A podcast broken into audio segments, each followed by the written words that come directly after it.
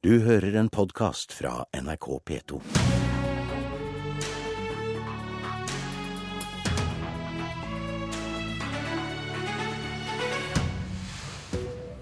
Hvis statsrådene har på bilradioen på vei til budsjettkonferanse i Hurdal, så er det ikke sikkert de vil like det de får høre nå.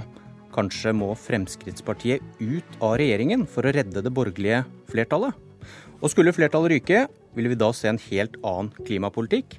Foreløpig ser jeg bare tåke, sier en av gjestene i Politisk kvarter. Yr melder om blå himmel i Hurdal, men det skal skye til utover dagen. I Bergen, der sitter du, Frank Rossavik, politisk redaktør i Bergens Tidende. God morgen. God morgen. Din avis skriver i helgen at hvis samarbeidsklimaet på borgerlig side ikke blir bedre, bør Fremskrittspartiet gå ut av regjeringen for å redde flertallet. Kan du forklare oss logikken? Altså plan én er selvfølgelig for Erna Solberg og Siv Jensen å få det til å fungere bedre enn det gjør nå, dette firepartisamarbeidet. Men det har jo ikke gått så veldig bra. Eh, og jeg eh, reiser bare, eller Bergens Tidende reiser spørsmålet om, eh, om det kan være en idé å, å endre sammensetningen etter hvert. Kanskje blir det nødvendig. Vi kan se at motsetningene mellom Fremskrittspartiet og Kristelig Folkeparti og Venstre blir så store at det hele ikke holder sammen. Og i en viss situasjon så kan det kanskje også være en fordel for Fremskrittspartiet å gå ut. At Frp da overtar Venstre og KrFs rolle som parlamentarisk grunnlag? Ja, Enten det, eller at det blir en ren høyreregjering med, med de tre andre i Stortinget. FrPs mantra noen år var jo 'vi støtter ikke en regjering vi ikke er med i'. og Hva slags støtteparti tror du de eventuelt ville bli? Altså, dette vil selvfølgelig ikke bli enkelt, eh, verken på den ene eller den andre måten. Eh, Frp eh, har jo kommet i regjering fordi de har ønska seg i regjering. Eh, og de får jo til noe, men det virker jo på både partiets grunnplan og på velgerne at eh, det ikke er nok, og at mange heller vil ha partiet i opposisjon. Eh, eh, partiet har jo mange løse kanoner på Stortinget som beveger seg stadig vekk, og vi har eh, fallende meningsmålinger, som vi ser. Frp har jo falt fra 16 til 10-11% på bare halvannet år. Kristin Clemet, leder i Civita. Frp ut av regjeringen kan redde flertallet. Hva tenker du om logikken? Dette syns jeg høres nokså urealistisk ut. Altså Det Bergens Tidende her sier, det er jo at eh, det vil bli mindre uro og bedre samarbeid dersom Fremskrittspartiet sitter utenfor og Venstre og KrF sitter i regjering. Eh, jeg tror ikke det er grunnlag for å si det. Eh, det er utfordrende når man har noen samarbeidspartier utenfor regjering. Nå har det vært litt støy, men det kan jo godt hende at dette kommer bedre på skinner nå. Og vi skal huske på det var jo også støy da vi hadde en flertallsregjering. Men i en tenkt situasjon som Rossavik da tenker høyt om her? Hva er den tenkte situasjonen? Det er jo at det skal fortsette å være veldig mye bråk, som han sier, og at det skal være mye uro og støy, og at det da vil være bedre å skifte. Men jeg tror ikke at du kan eh, De skal jo da regjere på den samme samarbeidsavtalen. Jeg tror ikke det er noen garanti for at samarbeidet vil bli bedre. Jeg tror også Rossavik eller BT tar feil når de sier at samarbeidet er spesielt dårlig mellom Frp-statsråden og Venstre og KrF. Det er selvfølgelig variasjoner mellom statsrådene, men jeg tror ikke Fremskrittsparti-statsrådene skiller seg eh, negativt ut. Og dessuten tror jeg at eh, dere her har vært inne på, nemlig at Fremskrittspartiet nå har sagt at de vil ikke være et støtteparti til en regjering hvor de ikke er med. Det kommer de til å stå fast på i denne perioden. Og jeg tror også det er knyttet mye prestisje til å få til dette for Fremskrittspartiet etter 40 år utenfor regjering. Så jeg tror ikke dette er veldig realistisk. Men etter et valg så kan det selvfølgelig skje endringer, men i denne perioden før 2017 så tror jeg ikke det kommer til å skje. Derimot er jo Venstre og KrF invitert til å bli med, hvis de ønsker det. Rossavik, lyst til å svare? Ja, altså jeg tror at eh, erfaringen SV gjorde i den rød-grønne regjeringens tid, eh, er en erfaring som Frp har sett nøye på. Eh, partiet holdt jo ut i åtte år, men ble malt nesten sønder og sammen og kjemper nå for overlevelse. Frp har falt med 5-6% på bare halvannet år. Og jeg tror ikke at Fremskrittspartiet vil finne seg i å bli malt, å bli malt sønder og sammen på samme måte som SV ble det i perioden forut. Så kan vi selvfølgelig si at Frp begynte på et høyere nivå og har mer å gå på, men jeg tror heller ikke Frp eh, er innstilt på å falle ned mot 6-7 eh, som partiet var på veldig, for veldig, veldig lenge siden.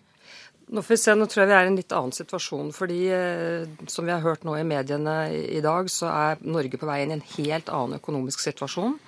Eh, hvor vi er nødt til å gjennomgå en omstilling, eh, gjennomføre et grønt skifte. Velferdsstaten skal få større omsorgsforpliktelser, og vi er nødt til å foreta oss noe. Eh, under Stoltenberg II-regjeringen så hadde vi åtte år nesten med reformtørke. Det var veldig få reformer. Nå er det igangsatt veldig store og viktige reformer.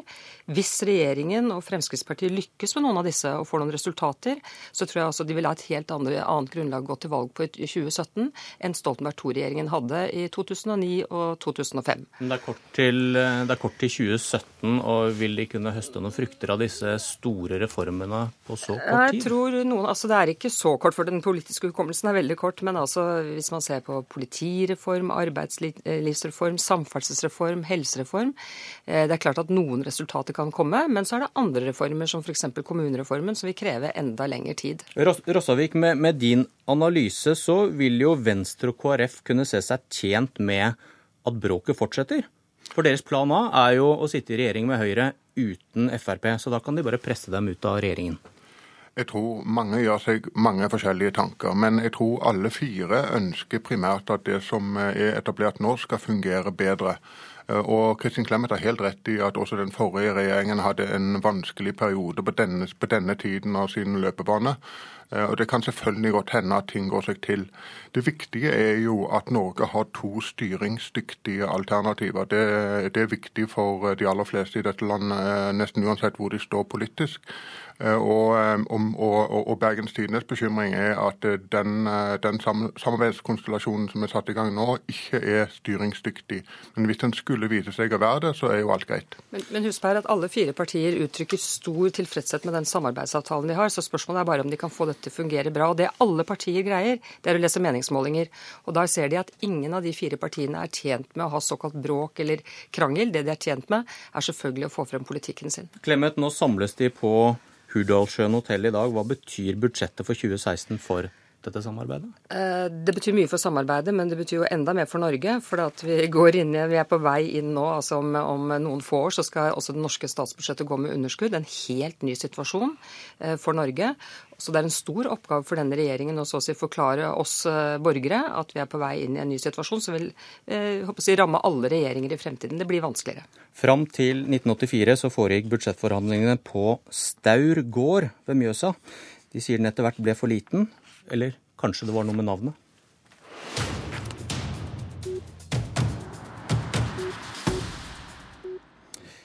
Jeg tror han som nettopp kom inn, vil mene disse ferske signalene fra Jonas Gahr Støre ser ut som sprikende staur. Ja til en klimalov. Nei til å bremse norsk oljeutvinning. Og Norge bør være karbonnøytrale om 15 år. Rasmus Hansson, du sitter i energi- og miljøkomiteen på Stortinget for Miljøpartiet De Grønne. Får du øye på ny klimapolitikk fra Arbeiderpartiet nå? Jeg får jo øye på eh, signaler og forsøk av høyttenking, eh, som jeg ønsker hjertelig velkommen. Det trenger eh, Norge, og det trenger Arbeiderpartiet. Så, så langt alt vel. Men så er Arbeiderpartiet nødt til å Eh, ta et oppgjør med sin egen tradisjon for ikke å ville innrømme eh, at de har hatt en eh, dårlig klimapolitikk før. For at de skal kunne få en god klimapolitikk i framtida. Og de må ta oppgjør med sånne grunnleggende problemer. Som at de tror at de kan redde verdens klima ved å produsere mest mulig olje og kull og si ja til tjæresand i Canada. Sp spriker de signalene du hører? Ja, altså ditt bilde med Bortens, salig Bortens, Per Bortens staur Eh, er jo godt. Eh, her eh, signaliserer altså Arbeiderpartiet en ambisiøs framtidig klimapolitikk. Begrepet 100% klimanøytral i 2030 gir jo folk inntrykk at Arbeiderpartiet vil fjerne norske klimagassutslipp på 15 år. Det er mer ambisiøst enn noen miljøorganisasjon eller Miljøpartiet De Grønne i det hele tatt tør å snakke om. Og da er det også bare eh, tåkelegging. Fordi Eh, det er jo ikke det de har tenkt å gjøre, men de, de, de, sender altså sånne signaler. Så er det veldig positivt at de sier ja til De har vel tenkt til å gjøre det, men gjør det også ved å bidra til kutt av utslipp i utlandet? Ja, altså, Poenget er man, man ved å ordlegge seg på den måten, og si at Arbeiderpartiet vil ha 100% klimanøytralitet i 2030, så er det veldig mange mennesker som tenker oi, dette er svære greier. Men så er altså det reelle innholdet i det at de vil kjøpe forskjellige slags kvoter og tiltak i utlandet. Eh, og hvis de gjør det på samme måte som de gjorde i massiv skala eh, da de satt i regjering, eh, så betyr det ingenting. Gjør man det på Arbeiderpartiets gamle måte, så kan Norge bli 100% klimanøytralt i morgen formiddag ved å kjøpe kjempebillige FN-kvoter for omtrent like mye som det kosta å gruslegge Slottsplassen, noe sånn 80-90 millioner kroner. Så det er bare tompreik. Men så går det an å gjøre det på en ordentlig måte, og spørsmålet er har de tenkt å gjøre det. Nestleder i energi- og miljøkomiteen, Terje Linn Aasland fra Arbeiderpartiet. Hvorfor tror du ikke Hansson er fornøyd? Nei, Det her er jo kjent eh, klimaretorikk fra eh, Rasmus Hansson. Det er, eh, gjør han jo for å få oppmerksomhet om Miljøpartiet De Grønne. Og så har jeg lyst til å understreke dette handler ikke om ord. Arbeiderpartiet foretar klimakonkretiseringer omtrent hver eneste dag, og vi utvikler politikk hver eneste dag. Det som forundrer meg, det er at Miljøpartiet De Grønne, som skal være et miljøengasjert og et klimaengasjert parti, ikke i større grad også engasjerer seg for det som skal skje utenfor Norge. Men jeg har lyst til å la det ligge, fordi at vi sier at vi ønsker å være 100% karbonnøytrale i 2030. Det handler om også en sterk understøtting av at vi må bidra ute i verden for å løse vår tids største utfordring. Det er det som er rammen rundt det. Så vet Rasmus Hansson utmerket godt at Arbeiderpartiet omtrent ukentlig nå i Stortinget foretar klimakonkretiseringer og sørger for flertall i Stortinget på mange viktige områder i norsk klimapolitikk. Det handler om klimalov, det handler om forsterkning av virkemidler som skal understøtte klimariktige valg. Eh, og det handler også om å underbygge nye virkemidler for industri, næringsliv, sånn at de også kan utvikle seg eh, i en grønnere retning med en sterkere grønn vekst. Så det er rammen omkring Arbeiderpartiets politikk. Og det vil jo ikke selvfølgelig Rasmus Hansson vedkjenne seg, fordi da mister han noe oppmerksomhet på vegne av Miljøpartiet De Grønne. Eh, vi får ta denne lista da. For det første så påstår eh, Aasland at vi i Miljøpartiet De Grønne ikke er opptatt av internasjonale eh, klimatiltak. Vi har allerede foreslått at Norge bør bruke tilsvarende 1% av bruttonasjonalinntekten, ca. 30 milliarder kroner, fra, fra oljefondet til eh, fornybartiltak i utviklingsland. Det ville vært et massivt nytt internasjonalt eh, klimatiltak fra Norge. Arbeiderpartiet stemte mot. Så hadde vi så hadde, Nei, Aasland, nå må jeg få, nå må jeg få fullføre, tror jeg. Nå må jeg få fullføre, tror jeg. Eh, så hevder Arbeiderpartiet at de stemmer for virkemidler. Vi hadde et, eh, en stortingsdebatt nylig med eh, langt over 30 virkemidler for klimakutt som ble foreslått. Arbeiderpartiet stemte mot 26 av dem. Uh, så, men, men det, de, de, sier ja, ja, de, sier noe ja, til en ja, klimalov som dere har kjempet for. Det har sagt er strålende, men så må den fylles med innhold. Jeg, bare, jeg må få lov til å plukke ned Du gir dem ikke mye skryt her? gjør du Jo, men Jeg må få lov til å plukke ned uh, påstander som er, altså, som er, faktisk feil, og så gir jeg dem igjen da, skryt for at de viser nye ambisjoner. Men det må fylles med reelt innhold. Og det, og det reelle innholdet i dag er altså uh, ja til full fart på norsk oljevirksomhet, ja til subsidier til kull på Svalbard, ja til tjæresand i Canada. Og det er disse tingene som gjør den store forskjellen for verdens klimabalanse. Aasland, det er det evige spørsmålet i norsk klimadebatt. Hvor mye betyr det om Norge kutter sine utslipp? Det betyr eh, mye, og vi kommer til å være med på tiltak som betyr at den eh, reduserer utslipp i Norge.